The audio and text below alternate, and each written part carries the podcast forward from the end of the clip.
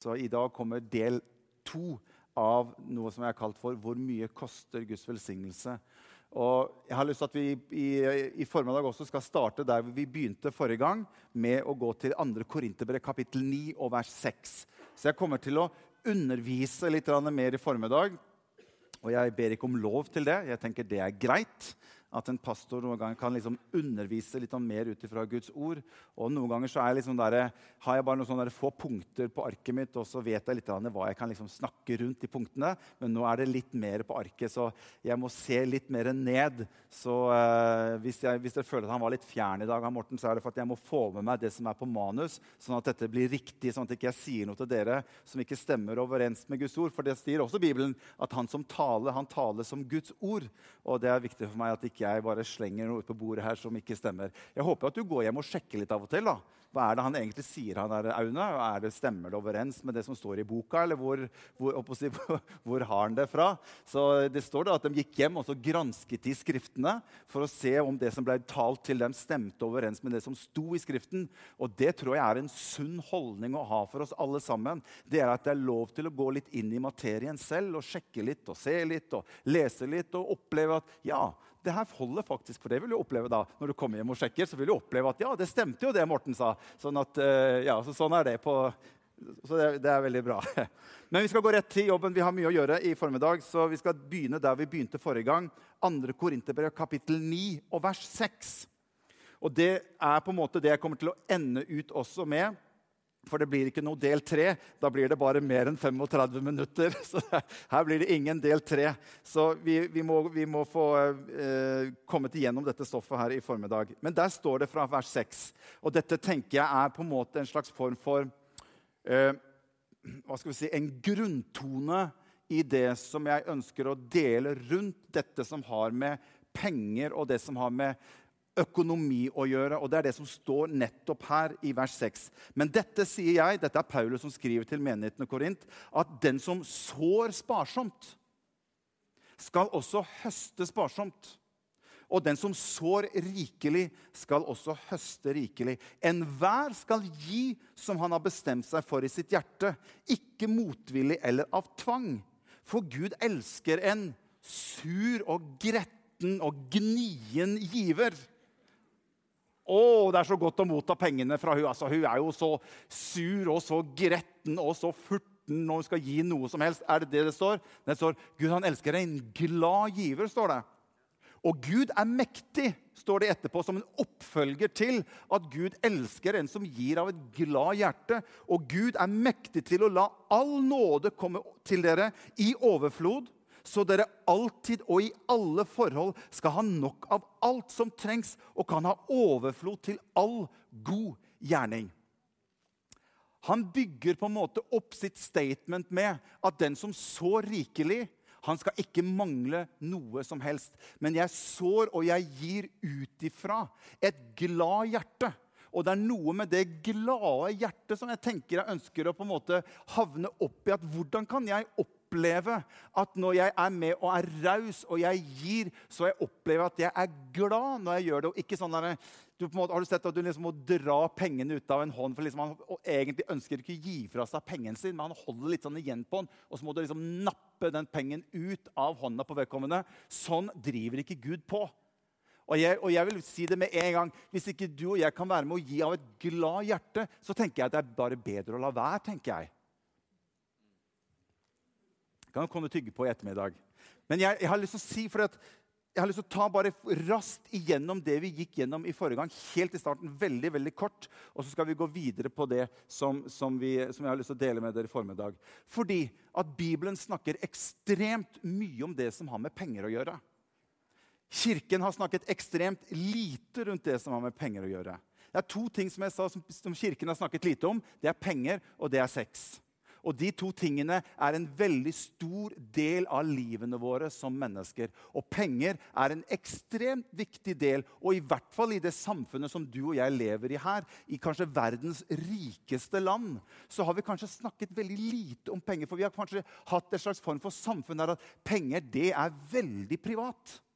Penger er veldig intimt. Det er noe som jeg står for. Og jeg eier, og jeg gjør som jeg vil med mine penger. Og det gjør vi jo. Og Derfor har vi kanskje også hatt litt sånn vanskeligheter med å kommunisere noe av disse tingene i kirkene. Men Bibelen snakker ekstremt mye om penger.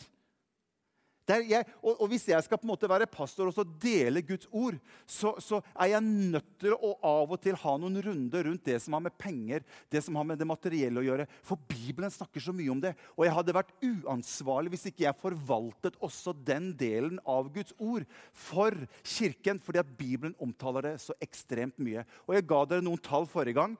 Ordet tro og snakke om tro står ca. 270 ganger i Bibelen. Det å be, bønn, omtales 370 ganger i Bibelen. Ordet kjærlighet ja, det må vel være det det står mest om i Bibelen. Ah, det kommer på en sånn rundt andre-tredjeplass, men det står om rundt 700 ganger i Bibelen.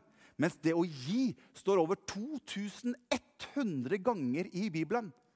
Og de fleste av lignelsene som Jesus omtaler, og som han deler med folket, handler nettopp om det med å være en giver og det å forvalte det som du og jeg har fått. Så dette er et ekstremt stort tema i Bibelen, og derfor så har jeg god samvittighet for å dele noe rundt dette som har med penger å gjøre. Og hør, jeg er ingen herlighetsteolog.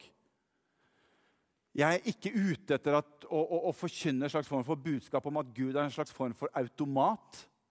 Og at, at på en måte jeg har, jeg har, sett så mye rart og jeg har hørt så mye rart rundt disse tingene her at jeg, jeg er langt unna sånne ting som har med herlighetsteologi å gjøre. Men jeg tror Gud har en del prinsipper i sitt rike, i Guds ord, og noe av det som jeg ønsker å dele med dere. Men det er utgangspunktet det her må aldri være at vi lever et slags form for kristenliv, og vi gir fordi at jeg har hørt at hvis du gir, så skal du ja, Det var flere enn dere som kan. Gi, så skal du Ja, få!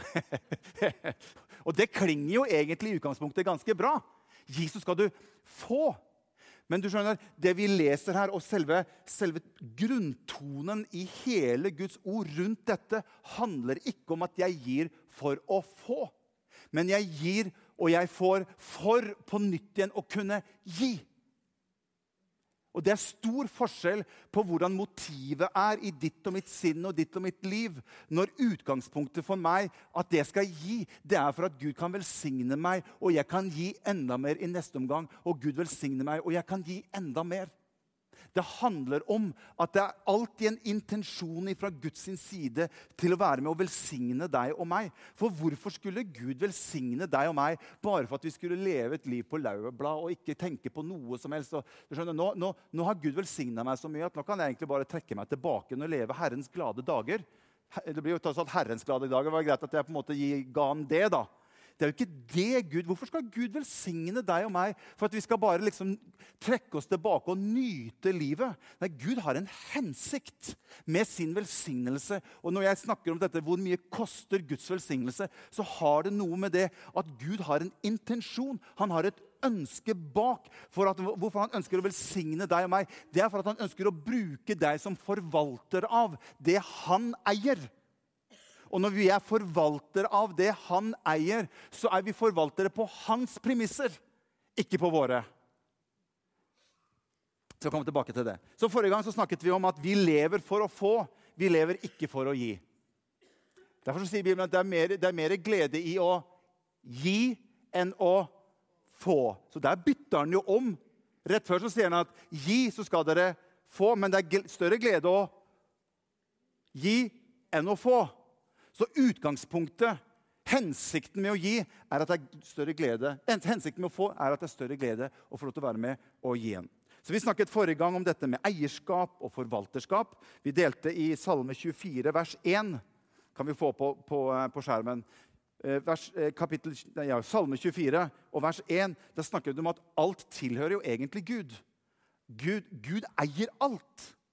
Selv alt det du har, selv alt det jeg har, hører egentlig Herren til. Sånn ser Gud på det. For der står det at jorden hører til Herren til, og alt som fyller den, verden og de som bor i den, tilhører Herren. Alt tilhører Han. Klærne mine og dine, bilen du kjører hit, lønna du får i eh, neste måned osv. Alt tilhører Herren. Det er hans perspektiv på det.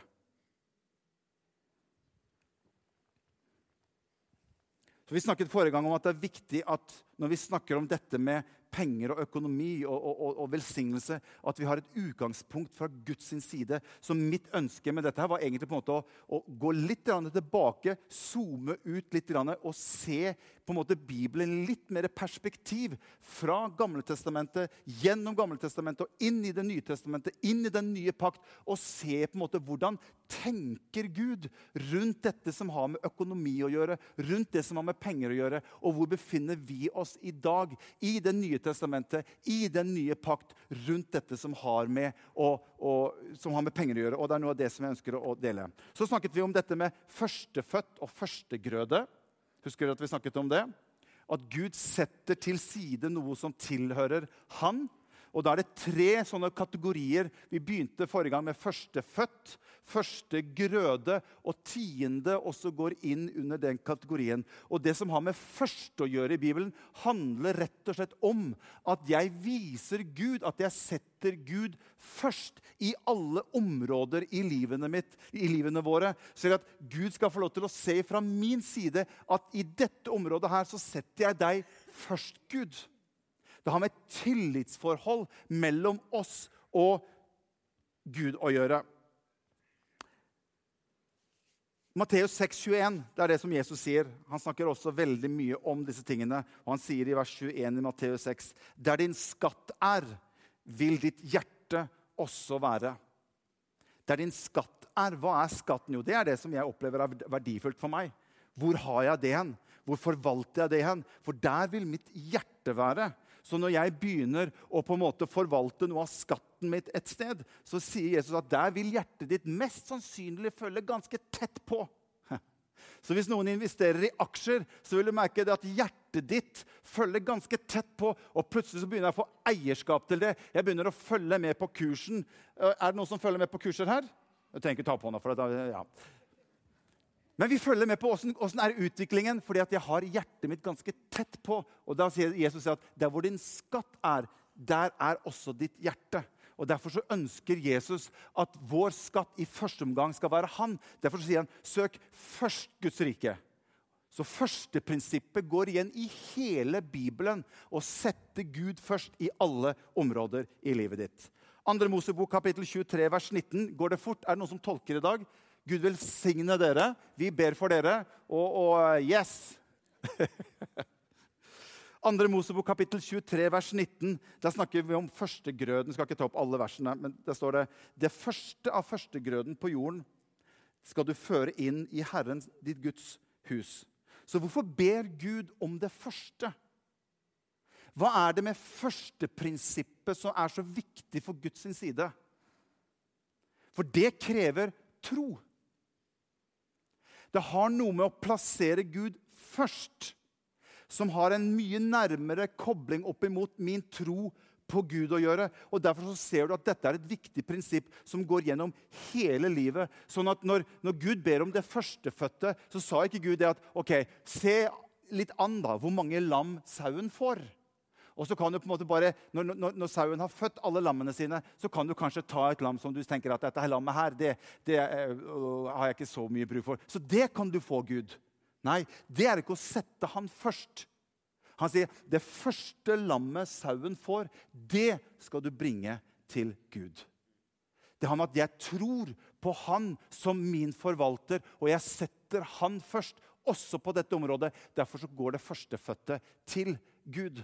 Og Det ser du veldig klart når Kain og Abel, helt tilbake til de, når de skal begynne å ofre for Gud, så står det et fantastisk vers i 1. Mosebok kapittel 4, vers 4.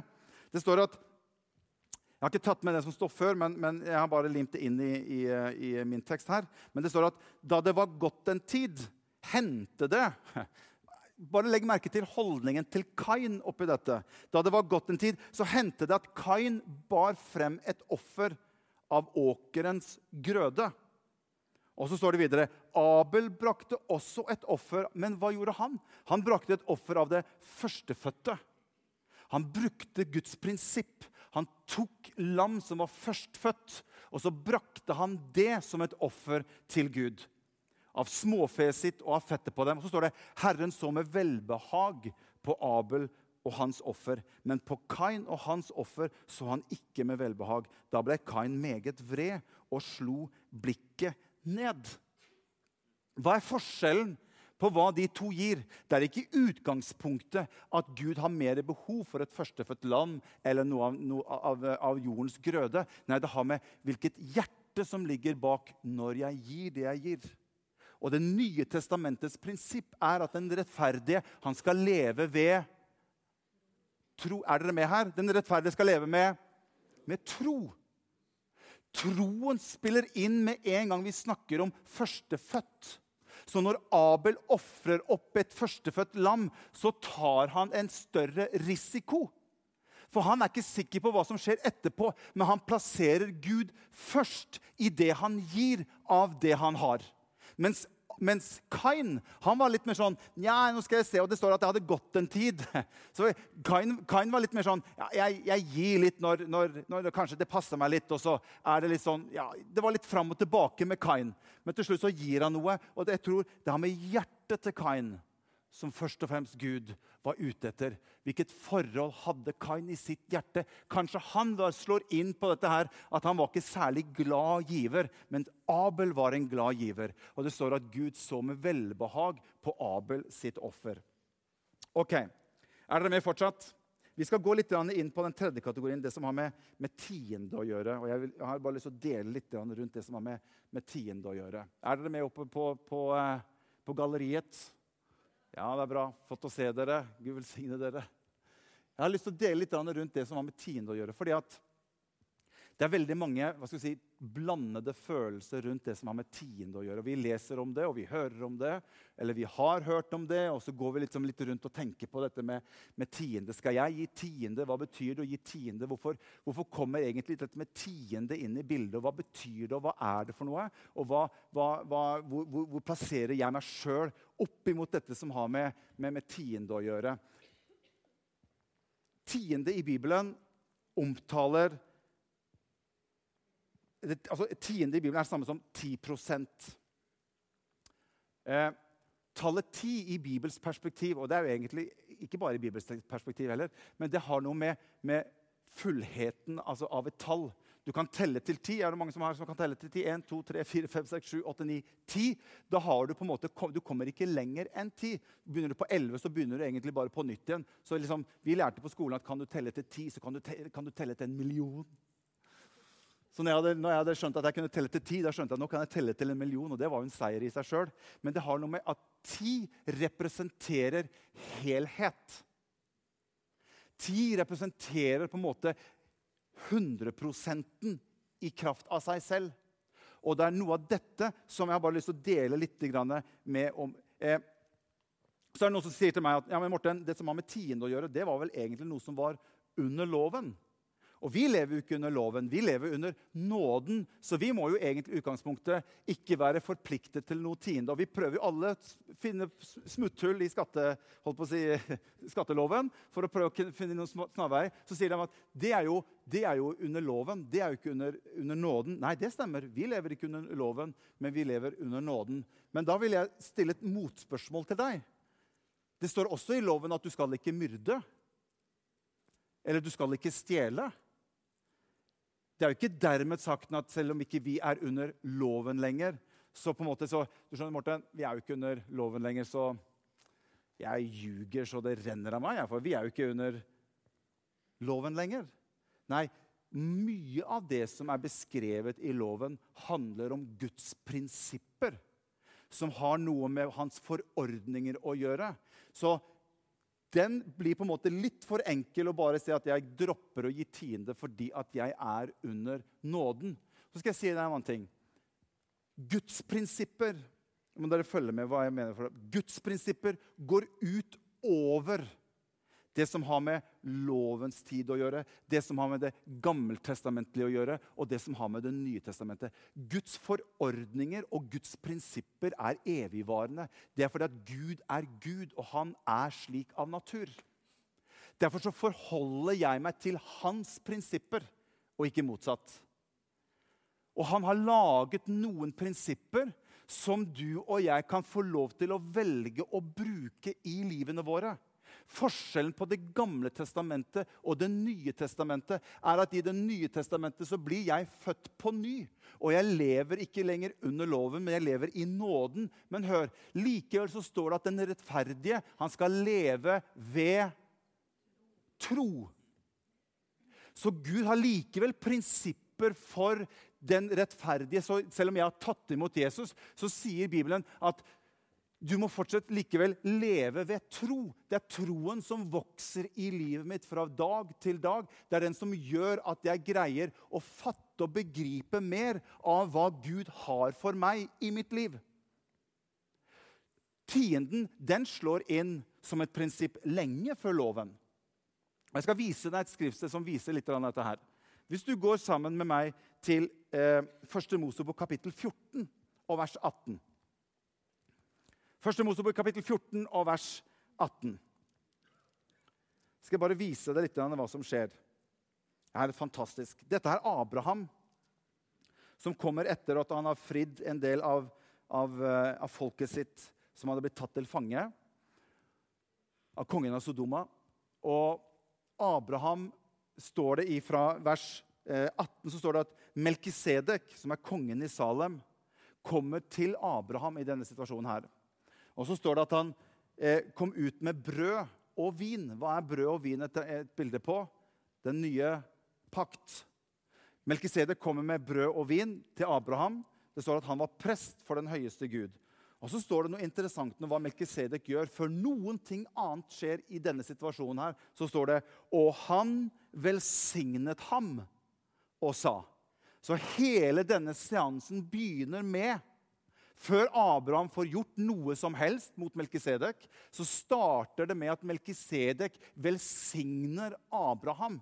Og så sier han, 'Velsignet være Abraham av den høyeste Gud, som eier ser du, himmel og jord.' Abraham, du er en tjener av han som eier alt sammen. Han er eier av himmel og jord. Lovet være den høyeste Gud, han som har overgitt dine fiender i din hånd. Han har vunnet en seier på vegne av deg. Seieren er vunnet. Jesus han er dødens beseirer. Og det er noe av dette som får Melkisedek Han står på en måte i, i, i, Mange mener at Melkisedek som er her, det er Jesus som, som, på en måte materialiserer seg og er denne kongen av Salem, som etter hvert ble Jerusalem, som kommer mot Abraham og velsigner Abraham.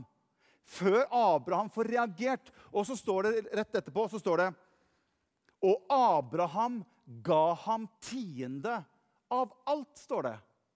Så Abrahams respons på Melkisedek sin velsignelse var at 'jeg ønsker å gi deg tiende av alt jeg har'.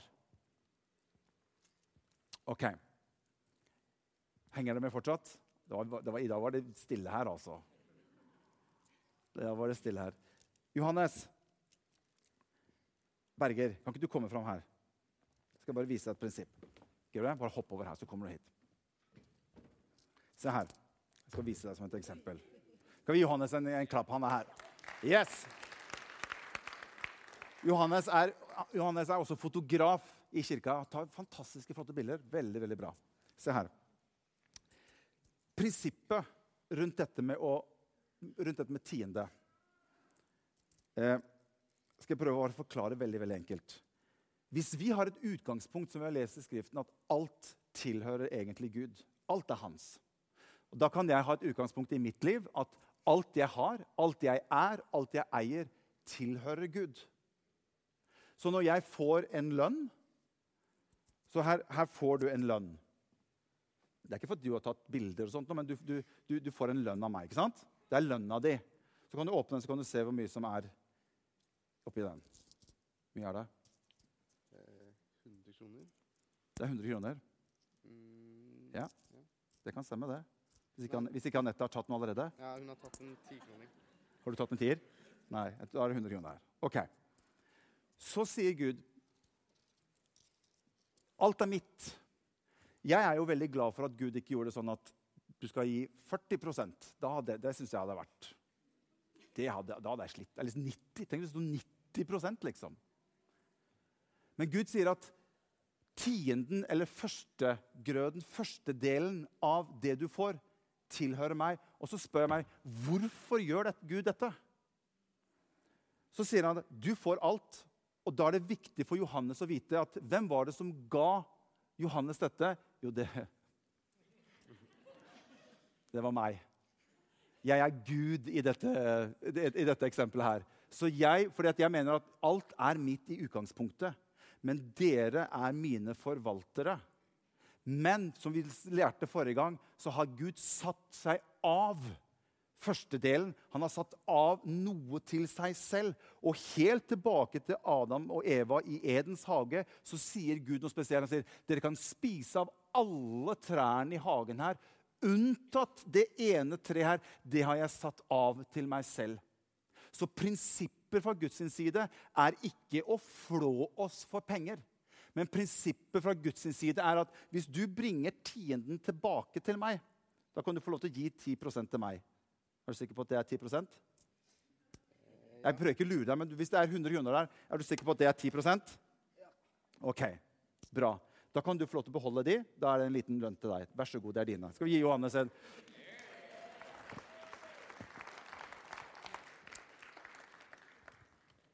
Det som skjer med denne, det er mange ting.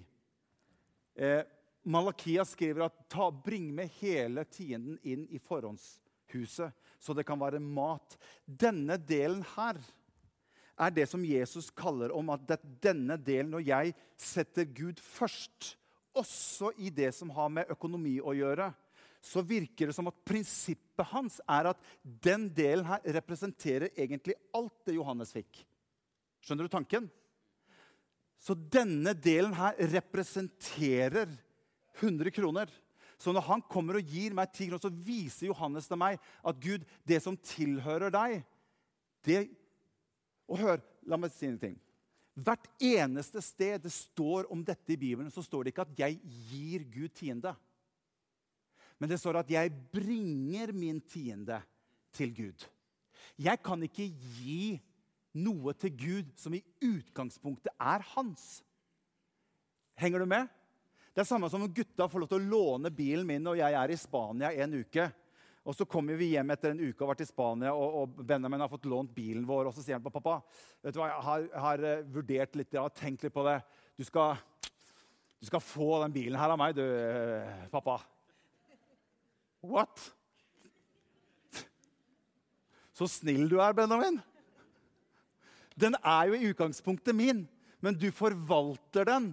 Jeg gir deg en mulighet til å forvalte det. Og Det er det som er samme prinsippet rundt det som har med tienden. Og hør, Når jeg snakker om dette, så gjør jeg det bare at vi, vi zoomer litt ut, og så ser vi på en måte hvordan Gud tenker og snakker rundt disse tingene som har med tiende. Jesus sa også, snakket også rundt dette med tiende. Så hvis du slår opp sammen med meg i Matteus kapittel 23 og vers 23, der står det ved dere skriftlærde og farisere, dere hyklere, som han kalte de.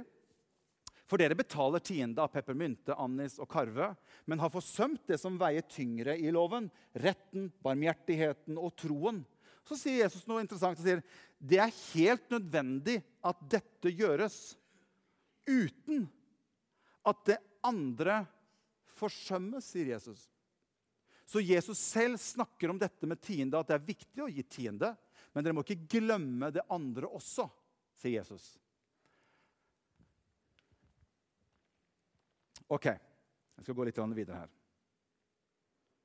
Eh, se hva som står i Lukas kapittel 16. Jeg skal gå mot avslutning nå, for nå begynner tiden å gå veldig fort. Hvis ikke Herren velsigner meg med litt mer tid i dag. Lukas kapittel 16. Henger det med fortsatt? Jeg skal prøve, også, jeg skal prøve på en måte å, å, og, og surre dette liksom inn til en slags form for avslutning som jeg tror kan kan eh, som de sier på engelsk, make sense for oss i den tiden vi lever nå. Nå prøver jeg bare å analysere hvordan historien og Gud tenker rundt dette med førstefødt, førstegrøde, tiende og disse prinsippene som egentlig går igjen i hele Bibelen. I Lukas kapittel 16 så snakkes det om penger, og Jesus er på banen igjen.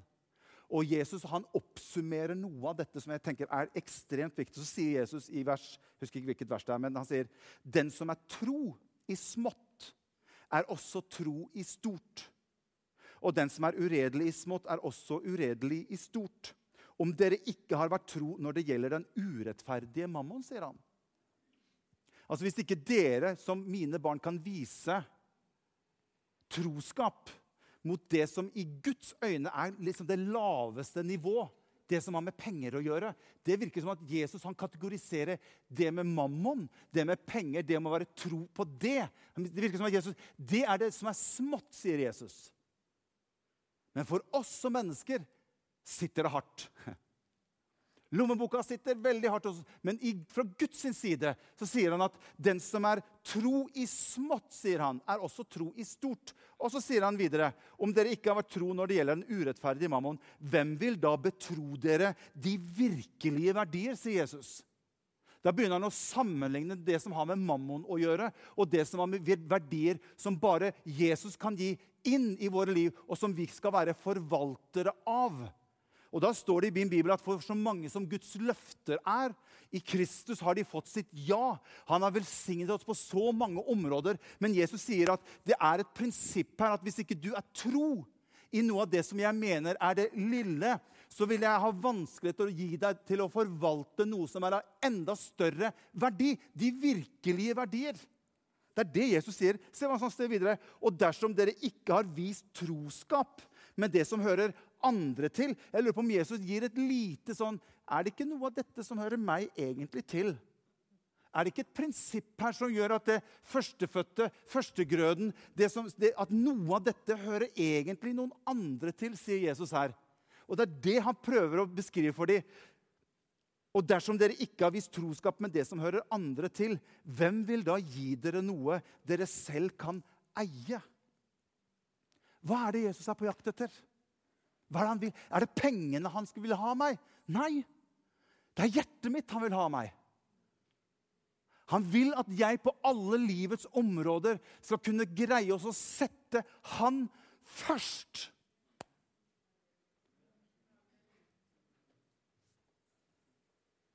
Også på dette området.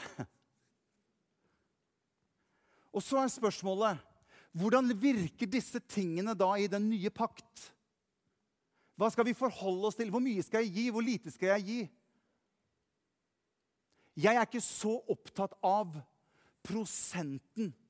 Jeg tror loven var opptatt av prosenten. Det er jo Noen som har satt seg ned og begynt å regne egentlig hvor mye ga de i den gamle pakt og under loven. ut ifra det som står. Og Mange mener at det var jo mye mer enn 10% Det var kanskje oppi 20 og 25% av det som de eide, som de kom med til Guds hus. Men Bibelen snakker om 10% så skal jeg bare avslutte med dette her. For at jeg skal skjønne litt hva jeg mener. Jeg har fem minutter igjen. Første Mosebok, kapittel 32, og vers 25. Og hør. La meg si det som det, som det er. Vi har forskjellige områder i livet vårt som er sterke og svake sider. Hvis vi skal være ærlige med oss sjøl, vet vi at vi har noen sterke sider og noen svake sider i livet vårt. Og det kan være forskjellig fra person til person. Noen, noen har veldig sterke følelser rundt det som har med penger å gjøre. Det som har med det materielle å gjøre. Og det kan, det kan binde mennesker opp, og det får en enormt sterk drakraft og kjærlighet til det som har med penger å gjøre. Og det er noe av det som Bibelen kaller for den urettferdige mammon. Når jeg greier å bryte noe av det i mitt eget liv og sette Jesus først, også på det området, så tror jeg det skjer noe fra Guds side. Han rettferdiggjør det som jeg eier. Derfor når jeg viser Gud at jeg ønsker å være med å gi til deg, først av alt, Gud, så er det den delen som han har rettmessig tilgang til, som gjør at det rettferdiggjør resten av det jeg har. Det er derfor det står 'søk først Guds rike og hans rettferdighet'. Så skal dere, så skal dere Men dere må først Og så skal dere det er, no, det er noen prinsipper her som går. Jeg er ikke så opptatt av prosenten. Jeg hører folk som, som, som underviser at hvis du gir 9 så kan du glemme at Gud velsigner deg. For det er noe magisk som skjer på 10 Da, da er det noe som slår inn på en måte på den 10 Det er lovens måte å se Gud på. Det var en som sa det sånn at hvis de kunne gi 10 i den gamle tid med den gamle loven, med de løftene den var bygget på, hvor mye mer kunne ikke vi ha vært med å gi? Og hør, utgangspunktet for dette her handler om mitt forhold til Gud. Det er jeg og han som utarbeider dette forholdet med hva jeg skal gi. Og derfor skal vi, vi skal hoppe over det neste. Jeg hadde lyst til å lese om Jakob og Gud som velsignet Jakob. Men så skal vi gå til slutten, kapittel eh, 9 i andre Korinterbrev. Fordi at Jakob slåss med Gud. Dere kjenner til historien når Gud kommer og slåss med Jakob. Og Jakob sier til, til Gud noe, så sier han at 'jeg gir meg ikke før du velsigner meg'. sier han. Men han måtte slåss med Gud for å oppnå den velsignelsen. Og det er noe av dette som jeg opplevde jeg fikk for denne her. Ah, jeg trenger noen gang å slåss på forskjellige områder i mitt liv. Der jeg kan ha en svakhet, trenger jeg å kjempe litt mer, slik at han kan få lov til å vinne seier i det området hvor jeg opplever at jeg er svak. Jeg husker at jeg jobba i butikk i mange år. Jeg jobbet med en fyr. Han var altså, han, han, det var så stor fristelse for han for å ta noen små penger fra kassa. Han, det klødde i fingrene hans etter å få lov til å kanskje bare skrive litt mindre på omsetning og så ta noen av de pengene til seg selv. Det, for han så var det en stor For meg Jeg tenkte ikke tanken engang det var, det, var, det var, ingenting som var fristende overhodet. Nå har ikke jeg vært inne i et bankhvelv og så stått sånn foran som du ser på film, med sånne der millioner av eh, kroner med dollar. Den fristelsen har jeg ikke blitt satt ut for ennå. Eh, Gud leder ikke noen inn i fristelser som han ikke kan bære. Så jeg, det kan hende at jeg på et eller annet punkt hadde liksom bare et eller annet knekt. Men, det, men i utgangspunktet så kjenner jeg meg på det området der så kjente jeg meg sterk. Og når vi var med kameratene og vi gikk vi storefri og skulle i butikken, de kameratene jeg hang sammen med, de stjal alltid sjokolade i butikken. Og jeg, For meg så var det sånn Det var ikke, det var ikke fristende engang. Jeg tenkte ikke tanken at i og med at ingen ser meg, så kan jo jeg bare ta en sjokolade, og putte i lomma og så stikke ut. Men det kan være andre områder som jeg er svak. Og så tenker jo du ja, hvilke områder er det da, Morten? Men det kan ikke jeg si til deg her og nå. For det, vi blir litt sånn nysgjerrige, litt sånn se og hør-spirit som bare sånn brer seg veldig fort. Men poenget mitt er at vi har forskjellige områder i livene våre som er sterke og svake. Og poenget mitt er at Jesus ønsker å være først på alle livets områder, uansett hva det er for noe. Og Derfor så sier Jesus at det som har med mammon å gjøre, er en sterk binding som du og jeg må være forsiktige på, så ikke vi lar oss binde for mye på det. Han sier hvis du løser opp den delen og setter meg først på det området, så kan jeg velsigne deg rikelig tilbake. Og da griper du noe som gjør at du på nytt kan velsigne enda mer i neste omgang. Det er det som er viktig. Derfor skal vi avslutte nå eh, sanger og musikere, det kan komme opp, med 2. Korinterbrev kapittel 9 og vers 6. Jeg har 15 sekunder igjen i forhold til klokka.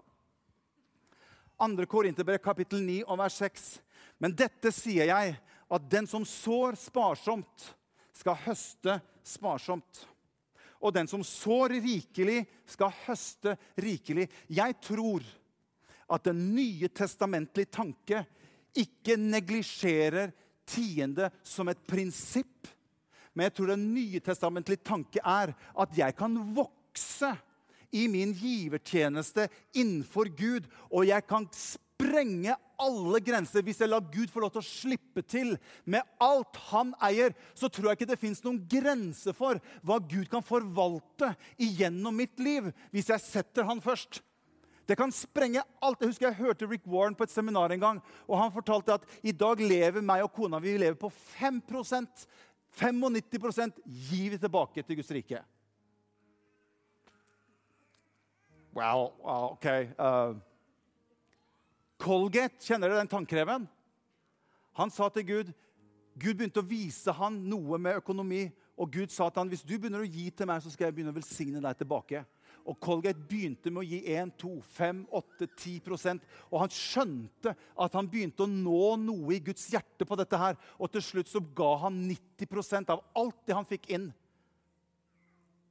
Og så ledde han på 5. Og så sier du ja, det skulle jeg greid også hvis jeg hadde vært Colgate. For så mye penger som han har, det hadde ikke vært noe problem for meg. Nei, eh. Det er hjertet det handler om.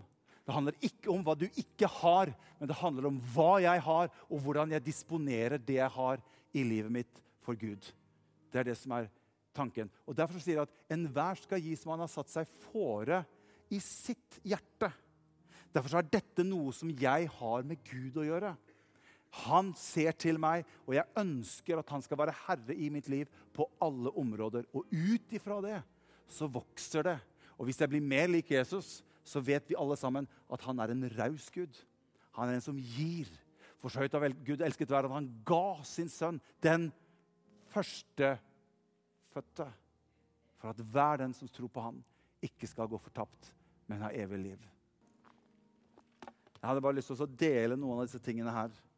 Så hvis du, skal, hvis du spør meg hvor mye koster Guds velsignelse, Morten, så vil jeg si det koster at jeg setter han først på alle livets områder i livet mitt. Han er på tronen i alle områdene i livet mitt. Der jeg er sterk, og der jeg er svak. Og der jeg er svak, trenger jeg å slippe han mer til inn i livet mitt.